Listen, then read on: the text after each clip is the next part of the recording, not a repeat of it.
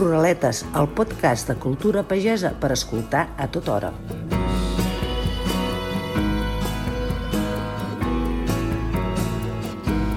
Poseu-vos a comptar quants jerseis teniu, o bufandes, o gorres, o guants, o fins i tot potser sabates de feltre. Ah, i les mantes.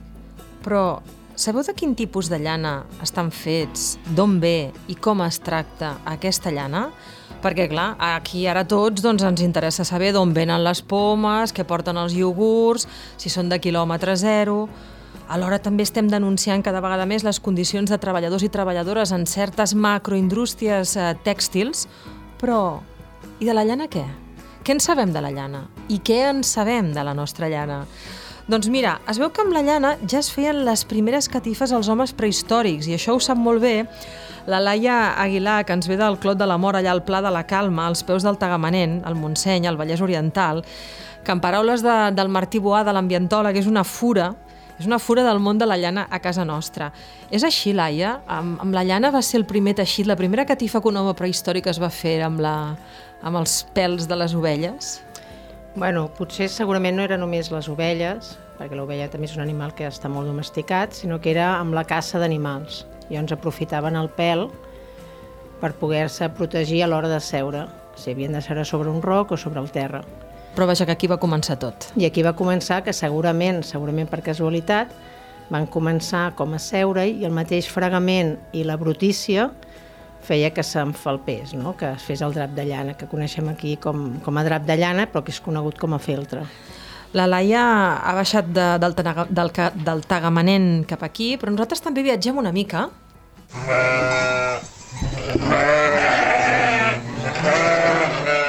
perquè estem entrant a la granja Bufalà. Aquestes ovelles que escoltem són les ovelles de la Berta Flotats, que també ens acompanya, que ve de Vallcebre, al Berguedà, als peus del Pedraforca, on hi té aquesta granja, la granja Bufalà, eh, estem escoltant les ovelles, aquí estan totes barrejades. Sí, correcte. Perquè, clar, tu t'hem convidat, parlem molt de la llet de les ovelles, però eh, potser és la, ets l'única persona fora d'Anglaterra que té ovelles d'Anglaterra, d'aquesta raça que es diu Ryland. És un sí. cas únic, el teu. Sí, sí, som els únics en tota Europa que tenim aquestes ovelles. Només s'han exportat a Irlanda i a Espanya, aquí amb nosaltres, sí. I per què les volies, aquestes ovelles? Per la llana. Sí, sí, perquè bueno, sempre m'agrada... Bueno, he estat al món del tèxtil, de, tinc, soc de, vinc de família tèxtil, i bueno, m'agrada molt, la veritat, el, la, com a matèria. Doncs avui nosaltres aprofundirem en aquesta matèria meravellosa i estem aquí tocant jerseis i diferents catifes i materials que ens han portat les nostres companyes. Ens hi endinsem. Ruraletes amb Txell Bonet.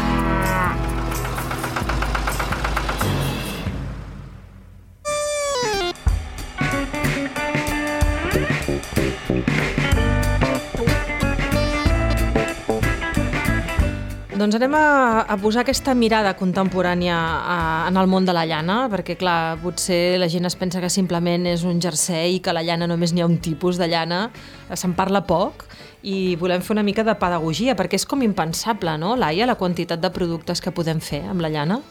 Bueno, és que el primer que podríem de dir és que la llana és un recurs natural, que és biodegradable, és a dir, que és molt sostenible, que en tenim de proximitat, que a vegades això ho desconeixem i ens ve molt de fora, i després és ignífuga, és antibacteriana, és impermeable, és a dir, que és una fibra superintel·ligent, per dir-ho d'una manera, i que se'n poden fer moltes coses a part de tot el que serien vestimentes o accessoris de, de la llar i draps i coses d'aquestes, la, la Berta em feia pensar l'altre dia que ara amb aquesta arquitectura sostenible que per protegir els edificis i fer-los allò que l'escalfament interior no marxi, es folren les parets amb, amb llana de roca, que no sé d'on ve aquesta llana, però potser l'estem comprant de molt lluny i molt cara quan tindríem molta llana a casa nostra. Vull dir que les aplicacions són il·limitades. Bueno, aquest ús se'n fa, eh, d'aquest ús. El que sí és cert és que el que m'he trobat és que si tu vols eh, visibilitzar o valoritzar les petites produccions, quan dic petites produccions, potser són ramats de 300 o més ovelles. Aquesta llana, a vegades com la de la Berta, no? quan ens vam conèixer o ella em va venir a buscar, són llanes que són molt atractives, però que si no tens una manera de poder-les treballar, o processar, acaben barrejant-se totes. Llavors jo entenc que per construcció es poden barrejar molts tipus de llanes que poder no interessen en el ram del tèxtil o del disseny, però que n'hi ha moltes que sí.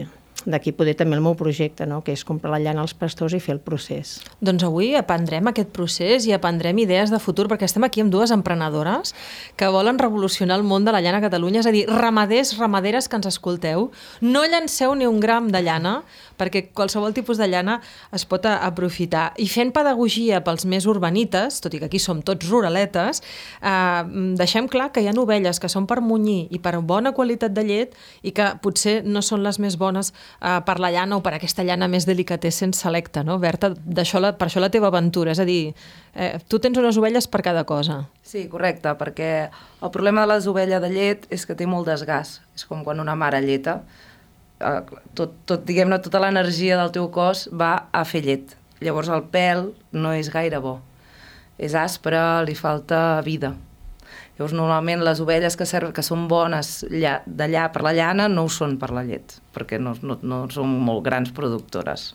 I tu vas estudiar casualment comerç internacional i et va anar molt bé per fer-te portar aquestes ovelles Ryland, que si algú ho vol buscar és amb Y, R, Y, L, A, N, D, que d'on venen i per què són tan úniques? Uh, bueno, venen de York i um, són úniques, però bueno, ven, són familiars de la Merina i a Austràlia també n'hi ha. El que passa que a York, a l'estat de York, les fan servir per concursos i molt pues, per tenir el pati de casa, perquè són molt simpàtiques i molt maques. I, bueno, a mi m'agrada perquè no és la merina de tota la vida i és més maca i a part és més dòcil, llavors. És com molt fàcil no, de tractar. Llavors al tenir comerç internacional doncs, bueno, que estan les ovelles a Anglaterra doncs ens anem a Anglaterra a buscar-les no passa res. Ho vam aconseguir i molt bé, la veritat. I ara ja tenen el seu passaport Berguedà. Sí. a veure, Laia, fem una miqueta de pedagogia perquè hi ha molts tipus de llana i tu avui ens has portat molt eh, material. Ara tocarem com és eh, el gènere Ryland però a veure, ovelles marines, ripolleses, caralpines, latxes alpaca Uh, què té cada cosa? Fem una frase de cada, de cada llana, perquè totes poden ser... Avui, avui venim a reivindicar que totes són útils. És a dir, Clar. aquesta potser ens la posarem aquí al coll, la Rylan, allò ben suavet, però potser pels feltre d'uns paucs a casa va millor una altra, no? Clar, a mi el que m'agrada és que he anat aprenent i anar descobrint que cada fibra al final pot servir per una cosa i que n'hi ha que són ideals per una cosa i no per una altra. És a dir, la llana merino és super atractiva per poder-te-la posar com a peça de vestir, però si vols fer una làmpara, com aquella que us he portat, doncs necessites una llana que dona més rigidesa, perquè si no pues et quedarà com molt xof. No? Llavors, aquesta làmpara la farà servir amb ripollesa o amb queralpina. Per tant, en aquest moment serà el, el, el número 10, no? Si et vols fer un coll o vols fer una manta per un nadó, faràs servir la merino. A la latxa, per exemple, els pastors ara m'estan demanant a veure què fem amb la latxa, no? La latxa durant molts anys ha servit només per farcir coixins i matalassos. Doncs ara l'estic tenyint i l'estic aplicant com a decoració sobreposada amb les llanes, no? que l'atrapen, diguéssim, perquè parlarem, suposo, del drap de llana, perquè tothom s'està imaginant que tota la llana és per filar i el drap de llana és una tècnica que també dona moltes possibilitats. El drap de llana és com crear com una textura, una mica com si fos un ule, però un ule porós, evidentment. Sí, el drap de llana és un teixit no teixit. Ahir vaig estar a Tèxtil Catà fent un curs per, per adolescents que estan fent això, no? un, un, un grau mig de tèxtil, i llavors el que entenien era això, que és un teixit no teixit. Estem acostumats a la trama llurdit, i en canvi el drap de llana és com un caos que es van casant entre elles les fibres. Uh, amb això que dius de que les fibres es van caçant entre elles, és que tot comença una mica com per casualitat. Jo feia una referència a l'inici a l'home prehistòric i que es posava llana sota el cul i que amb el greix i la brutícia allò va agafar una fibra, però tu, que ara podríem dir que potser ets un personatge únic i insòlit en el món de la llana a, casa, a Catalunya i a la península, i és així, és veritat, perquè és un tresor que, que, que t'hem uh, trobat i tot el que uh, dinamitzes, però tot va començar perquè vas posar un barret de llana a la rentadora uh, sí, sí, d'una sí. llana que duria ser d'aquestes fibres gruixudes, tipus bombí, no? d'aquests bombins uh, boli bolivians. Un, sí, era, bueno, era fet de llana però treballat amb agulles i va ser casualitat, jo no sóc del ram del tèxtil ni molt menys, i vaig començar com jugant. Perquè Però perquè es va posar la rentadora, es va I, mullar i bueno, va sortir... No, es va quedar petit per les nines, era, de les, era per nosaltres i es va quedar petit. I llavors, clar, vaig veure com una tècnica que no, no coneixia, ni molt menys, i vaig començar a explorar la tècnica aquesta, és a dir, si a la rentadora, amb aigua i sabó... Bueno, anava fent una mica la lògica, no? I dintre de fer el paper de mare, doncs era una mica la meva part creativa que necessitava també. Vols dir que qui ens estigui escoltant i tingui gent petita pot experimentar en el món de la llana i convertir-ho també en un taller familiar? I tant. Vull Aigua, sabó, llana... Jo porto 15 anys fent tallers de feltre i no és per nens, és per nens, per mares, pares, tietes i àvies. És que és al·lucinant la creativitat que et pot donar el fet de la llana. Pots treballar en tridimensional amb el drap de llana. Tu tens uh, una gran vocació i trajectòria en, en la formació i, clar, els teus alumnes ja poden no equivocar-se perquè tu els hi pots donar consells, però tu sempre reivindiques el fet de assajar molt eh, amb els errors, allò, l'experimentació, no? És a dir, per tu, arribar a la saviesa és una miqueta... Ahir els explicava, allà a l'Institut del Tèxtil Català els explicava que, que jo he après... aquest institut de tèxtil que està al Museu de Manresa... Està, bueno, treballen, es veu que estan a l'institut, però com que els hi falta espai, tenen com a aula també al Museu de la Tècnica de Manresa. Vaig al·lucinar ahir, perquè en Josep em va ensenyar tot allò, jo ho desconeixia totalment, ho tenim aquí a Catalunya, ho recomano moltíssim. És a dir, que recomanes el Museu Tèxtil de Manresa. És brutal. I, I allà també fan servir la maquinària, no? que n'hi ha molta que és del segle XVIII i del segle XIX i també del XX. I, I res, jo els explicava que jo he après molt més, i me'n dono encara, no? que tinc 49 anys, que he après més de quan m'equivoco que quan les coses em surten. Quan les coses em surten penso els processos, no? quan vull fer un barret, quan vull experimentar per fer sabates. Doncs aprenc més. És a dir, la recompensa és que et surti, però d'on he après és de quan m'he equivocat. I la saviesa popular, és a dir, dones grans que t'han ensenyat com feien ella, elles treballs amb la llana?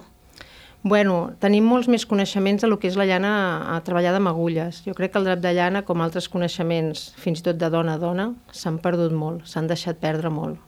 Però ja, del que no seria el drap de llana sí que has trobat algunes Sí. persones grans que t'han Sí, el que m'he traspassat. trobat molt és a les fires, ara perquè no n'hi ha, però quan hi havia, que hi ha dones, dones grans que quan veuen el, el, les peces et diuen, no, però si això és com, com quan nosaltres érem petits i teníem el drap de llana aquí al pit, quan ens el posaven les mares.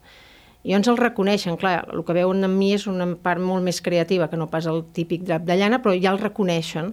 Vol dir que sí que en saben l'existència, però moltes desconeixen com es feia, és a dir, que hi ha, hi ha coneixements que els hem perdut realment. Doncs avui els estem recuperant.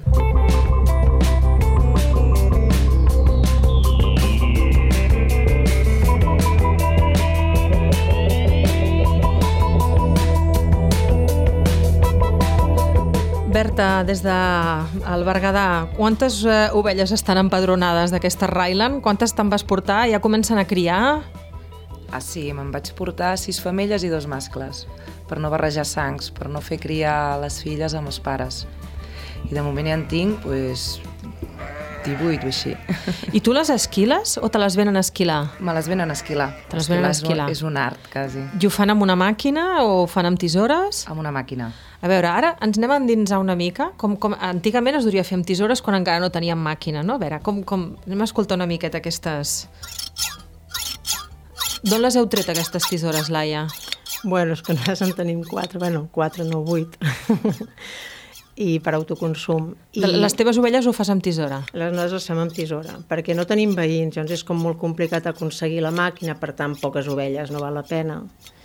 I perquè tenim una raça que també està com perdent-se, que és la cara alpina, que és la més antiga de la ripollesa, i ho fem amb tisora. Acabem morts, eh? De, anem a passar a la màquina d'esquilar, doncs. Val. Ara ja tenim l'ovella que ve l'estiu, ve el bon temps i l'hem hagut de xullar. Li podem dir així, xullar? Sí. sí. Hem xullat l'ovella. Llavors, ara què hem de fer? Rentar aquesta llana? Bueno, aquesta llana l'ideal seria primer poder seleccionar i separar una part que és la més bruta, diguéssim, del ventre i així, i la que està més propera al cul, perquè ja és, no, no és per feina, sinó que no val la pena. Val, aquesta, Llavors- aquesta sí que es converteix en un residu? Sí, Val. I la que no està bruta, la Llavors, rentem? tota aquesta la rentem. I com ho fem, això de rentar? Posem l'aigua, bueno, però jo amb una galleda? tinc... No, bueno, no, jo tinc com una mena... M'he fet com un safreig, que fins i tot bé, he anat visitant també molins, i llavors una mica m'ho he fet a la meva manera, perquè és a nivell casolà, o domèstic, com li vulgueu dir, llavors és un safreig que pot anar sortint l'aigua perquè vagi com renovant. És a dir, hem de tenir com un circuit obert. L'aigua va baixant, eh, mateix, aquesta font que sí. tenim aquí. Val, llavors arriba el moment de la veritat. La llana s'asseca, no?, un cop està neta, Sí, bueno, rentar-la és primer aigua freda, després aigua calenta només, no que no superi els 60 graus, la merino es pot fer una mica més aigua calenta, i llavors quan ja sí que està ben neta, est- estalviarem tot, no? Però llavors és assecar, sí. Val, I un cop la tenim assecada, l'hem de cardar. Ah, això mateix. Què s'entén per cardar? Perquè és un verb que es fa servir molt, Sí. però el, el sentit principal de cardar... Això estem cardant amb una màquina antiga, no? Ara sí, perquè Això aquesta màquina que hi sentim ha una és... casa, en Pau i en David, bueno, en Pau em va aconseguir, es treballa en fusta eco i em van aconseguir aquesta, aquest diable. I Un la- cardador que es diu Diable. Un diable. I això de quina època és, això que estem escoltant? Pues aquest, la veritat és que no ho sé. però diria que del segle XVIII, posem. sí. Val, llavors, cardar, què és exactament? Cardar el que fas és que tota la llana queda com compactada, vale? I el que fas és una mica separar entre elles les fibres, que quedi una mica més flonja. Com si ens estéssim pentinant una miqueta. Sí, a, a, en, en plan bèstia, però sí. A veure, hi ha, hi ha alguna pentinada més contemporània que tenim per aquí? A veure.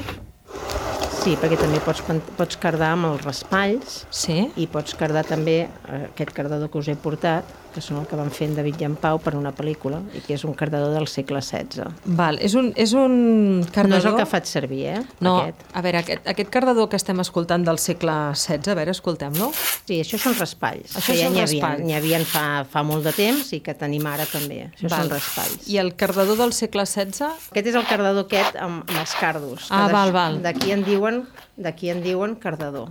Ah, meravellós. Vale. A veure, aquest cardador que ens has portat, que, fa, que, que podrem veure els nostres oients a la nostra pàgina web, fotografiat i tot, seria com una espècie de, de raspall gros, com de, Això de, mateix. de raqueta de, de, de, de ping-pong, uh -huh. no? On hi han cardos, perquè amb els cards de la naturalesa És amb el que es cardava. es cardava. És meravellós, no? És preciós, l'únic que, clar, jo no el faig servir, eh, que ho sapigueu. Ho faig servir com a demostracions on aquesta pel·lícula va sortir, però la veritat és que tens els raspalls que són molt més, més forts i que fas més feina. Els raspalls són amb filferro? Sí, Aquest és un cardador que apareix en una pel·lícula de la Clàudia Romeu, una directora que està gravant a Viladrau una pel·lícula sobre les bruixes, i aquest cardador s'ha copiat d'un quadre de Madrid. S'ha copiat d'un model que tenen al Museu de Madrid. Ah, però tenen el model, Sí, és a sí, dir, sí. l'objecte. Llavors, aquests dos fusters que els hi vaig demanar, el que van fer va ser posar-se en contacte i van fer com una reproducció, com una rèplica, els hi van facilitar les mides. Vale, és a dir, que avui estem fent un espai filològic, que és que la paraula cardar, és a dir, el, el, el suposat pentinar la llana per col·locar les fibres una mica més endreçadetes, es diu cardar perquè s'agafaven els cards de la naturalesa, que punxen, i eren com uns petites pintes, es posaven tots així juntets, Com un raspall. i es creava com una espècie de, de, de pala, de pala pentinadora, perquè aquí tenim 6 i 6, 12 cards. És En, en, en el model que tenien hi havia com dos o tres més, eh? Hi havia una línia més, però bueno, vam fer-ho així perquè ens semblava ja prou complicat.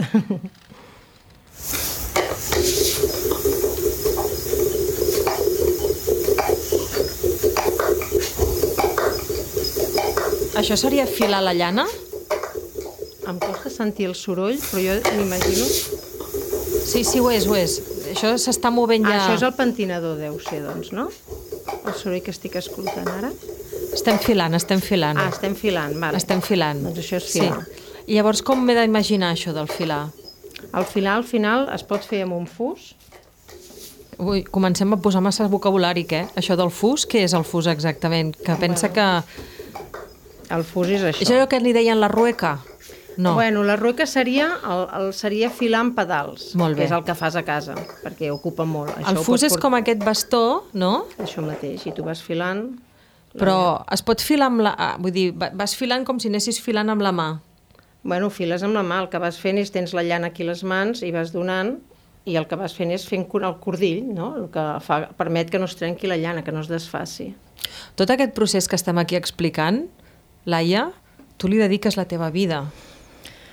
Bueno, Tens prou hores o, o, o realment has, has sistematitzat el procés?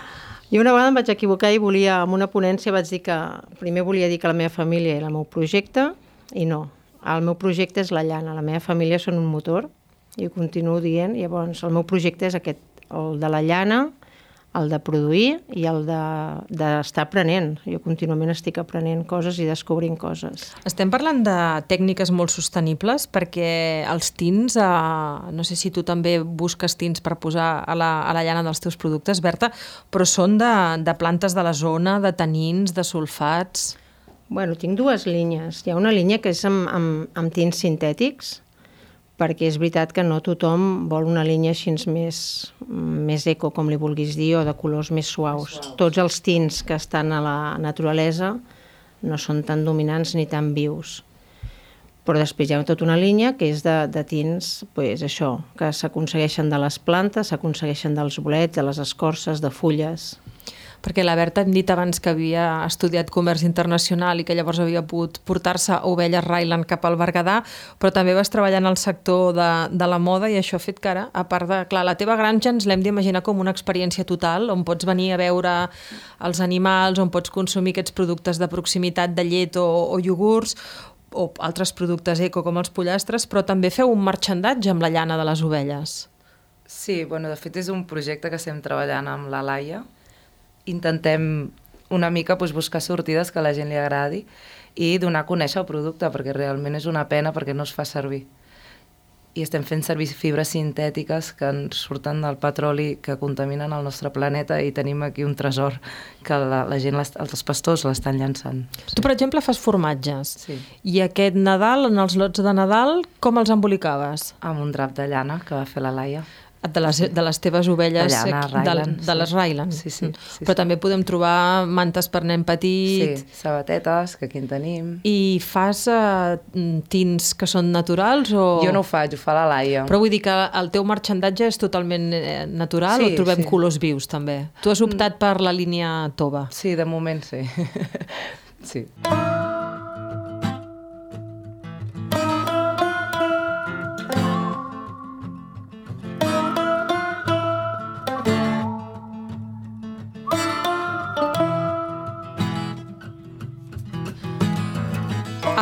Atents, perquè anem a explicar el gran projecte.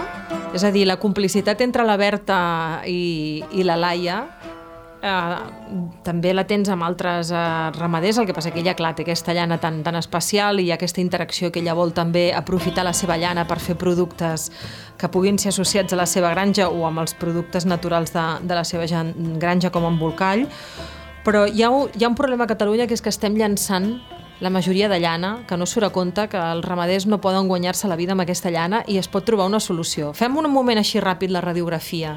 És tal com et dic jo? És tan, Sí, el tan problema- dramàtic? Bueno, el, el drama està en que, com que són explotacions que no són més de 300, 400, ni que siguin 1.000 ovelles, no hi ha tanta quantitat de llana acumulada com perquè els hi surti compte que se'ls hi reculli. I llavors hi ha pastors, aquí al Montseny passa, que poder poden estar esperant dos anys a que els hi vinguin a buscar la llana. I quan els hi venen a buscar tampoc hi ha un rendiment econòmic perquè no, no surten els números.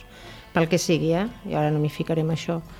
Llavors, el tema quin és? Que necessites barrejar molts quilos, moltes tonelades de llana perquè se te l'emportin, per exemple, a Palència, i es pugui rentar. Però és que tampoc ja te la volen rentar perquè no saben què fer amb la llana. Però, en canvi, sí que el, el, projecte és defensar també això, donar visibilitat al, past, al paper que fan els pastors en el nostre entorn per la biodiversitat vegetal i el fet de que si dones visibilitat en aquesta llana i un producte amb aquestes llanes, amb, amb projectes amb el que es pugui treballar la llana a nivell una mica industrial, lògicament és que ho faig a mà, vull dir, tothom et vol donar la, teva, la seva llana, és que no volen ni, ni, ni, ni que els hi compris. El que volen és treure-se-la, jo no tinc més mans que les que tinc. I com podem solucionar aquest desgavell de tota aquesta llana de diferents tipologies que es llença? Bueno, jo ara estic en un projecte intentant també amb l'Ignasi, l'alcalde de Tagamanent, jo sóc regidora de Cultura allà, i tirar endavant una planta de tractament de llana, el que se'n diu una minimil, perquè sigui com, com, una, com una instal·lació per petites quantitats de llana. Quan dic petites quantitats és que pot estar treballant cada dia, eh? vull dir, però que es puguin... No són 5 quilos, potser són 500. No, no, tu pots, si com a usuari vols 5 quilos, que no és res, eh? 5 quilos, clar, poder parlem de 100, no? Però Sí. si tu vols treballar 100 quilos de llana o 50 quilos de llana, podràs fer-ho, perquè no s'han de barrejar. Llavors, eh, què entenc per una planta de tractament de la llana? És a dir, diferent... totes aquestes eines així una mica curioses que hem anat ensenyant estarien allà molt sistematitzades i molt modernes, Clar, no? és a nivell industrial, però a petita escala. És a dir, ara no I- i fa com- gaire vam i anar a compartit, França. no? Compartit. Clar, a nivell d'usuaris, com l'obrador que hi ha a Tagamanent, no? que és a nivell d'usuaris. Per exemple, ara acabem parlant de la planta, eh? però l'obrador ens pot servir com un exemple fins i tot també per ser copiat. És a dir, vosaltres a Tagamanent teniu un obrador municipal que té un registre sanitari perquè diferents usuaris que ara no es poden plantejar tenir un obrador, com per exemple està fent la Berta, puguin treballar i tenir aquest registre La, sanitari. la Berta, diguéssim que ella té un obrador per ella sola. Si la Berta no, no pogués tirar endavant aquest projecte, podria venir, ella no perquè estava a Vallcebre, però la gent del voltant de Tagamanent poden venir a fer els iogurts o el formatge en aquest obrador Bueno, formatge ben comunitari. bé no. Formatges no. Seria més tipus, per exemple, uh, pa, mm, jo què sé, eh? pastisseria, gelats, que és el que tenim. Poder. Cosmètics també s'ha hagut de separar també, però vull dir que és uh, gent que fa alimentació, que es dedica a l'alimentació, però que necessiten d'un obrador. Uh -huh. I en el cas de la planta de tractament, que copiaria aquest model comunitari, estem parlant d'un tipus Seria- de el cooperativisme. Tothom s'hauria d'associar, és a dir, els, els ramaders que ara ens escoltin de qualsevol lloc de Catalunya que vulguin venir a fer aquest obrador, a, a utilitzar, perdó, aquesta planta de tractament, podrien formar part d'aquesta cooperativa. A Bueno, nivell... està tot en projecte, eh? estem intentant també saber com gestionar tot això, però seria, seria aquesta la sortida, de manera que es pot treballar les llanes sense barrejar-les i tu pots emportar-te la teva llana. El problema és ara que, jo què sé, els de Ripoll estan esperant, tenen 4.000 quilos de llana esperant a veure on, què, què, què en fan, no? Pues s'han de barrejar totes, però aquí dintre d'aquest Ripoll hi ha pastors que han seleccionat més per llana o que tenen més bona qualitat de llana d'altres que no. Que no vol dir que no es mereixi un valor o una visibilitat la llana que no és de tan bona qualitat. Jo, per exemple, del pastor de la Pla de la Calma tinc un projecte que és fer com els testos que faig, però poder més rústics amb la seva llana. És a dir, al final també és aprofitar, és un recurs, és que al final si no és un residu i també és un problema a Un- nivell de... I tant. Una planta de tractament que podrien fer tant servir ramaders com artesans com les persones que hi ha eh, entremig i que, que esperem que vegi, que vegi la llum. Ja esteu fent prospeccions, crec que la Diputació sí. està al darrere. I no sé si podria tenir fins i tot una part museística o d'interpretació on poguessin haver-hi tots aquests artilugis històrics que ens has portat. Bueno, segurament fins i tot eh, això, no? estudiants que poden estar en el ram del tèxtil els hi pugui interessar. Jo crec que pot tenir... Al final és una part pedagògica també, no?, que tenim i que va molt associada al pastors, als ramats i al sistema ambiental. És que al final tot és com un cicle i està tot molt lligat. I tant. Saps com en diuen els culturetes de la cultura pagesa? Ruraletes. I vigila que potser tu també en seràs un.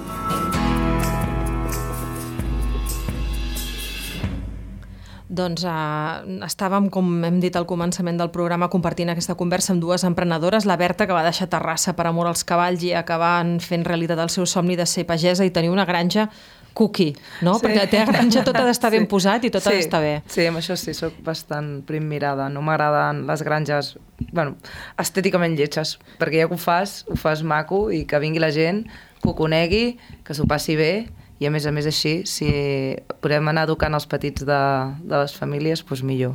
I la Laia, que se'n va anar aquí al Pla de la Calma amb 21 anys, quan no tenia ni carnet de conduir, anava en bicicleta amunt i avall de les, de les valls, eh, que has donat tanta formació i t'has posat tant en el món de la llana i que ara juntes voleu fer, eh, parlaves d'uns text, testos biodegradables, però clar, eh, potser es poden fer més coses. No sé si podem acabar el programa parlant del vostre projecte com a sòcies. Que ho expliqui la Bert, si Sí. vol. Bueno, Sí, sí, vinga, som-hi.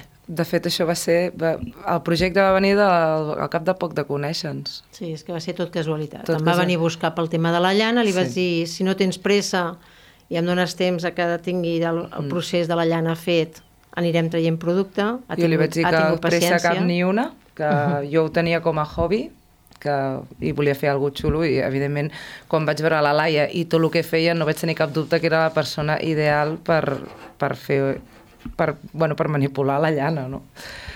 I, bueno, em va ensenyar els testos, que són molt xulos, i jo li vaig dir, per què no...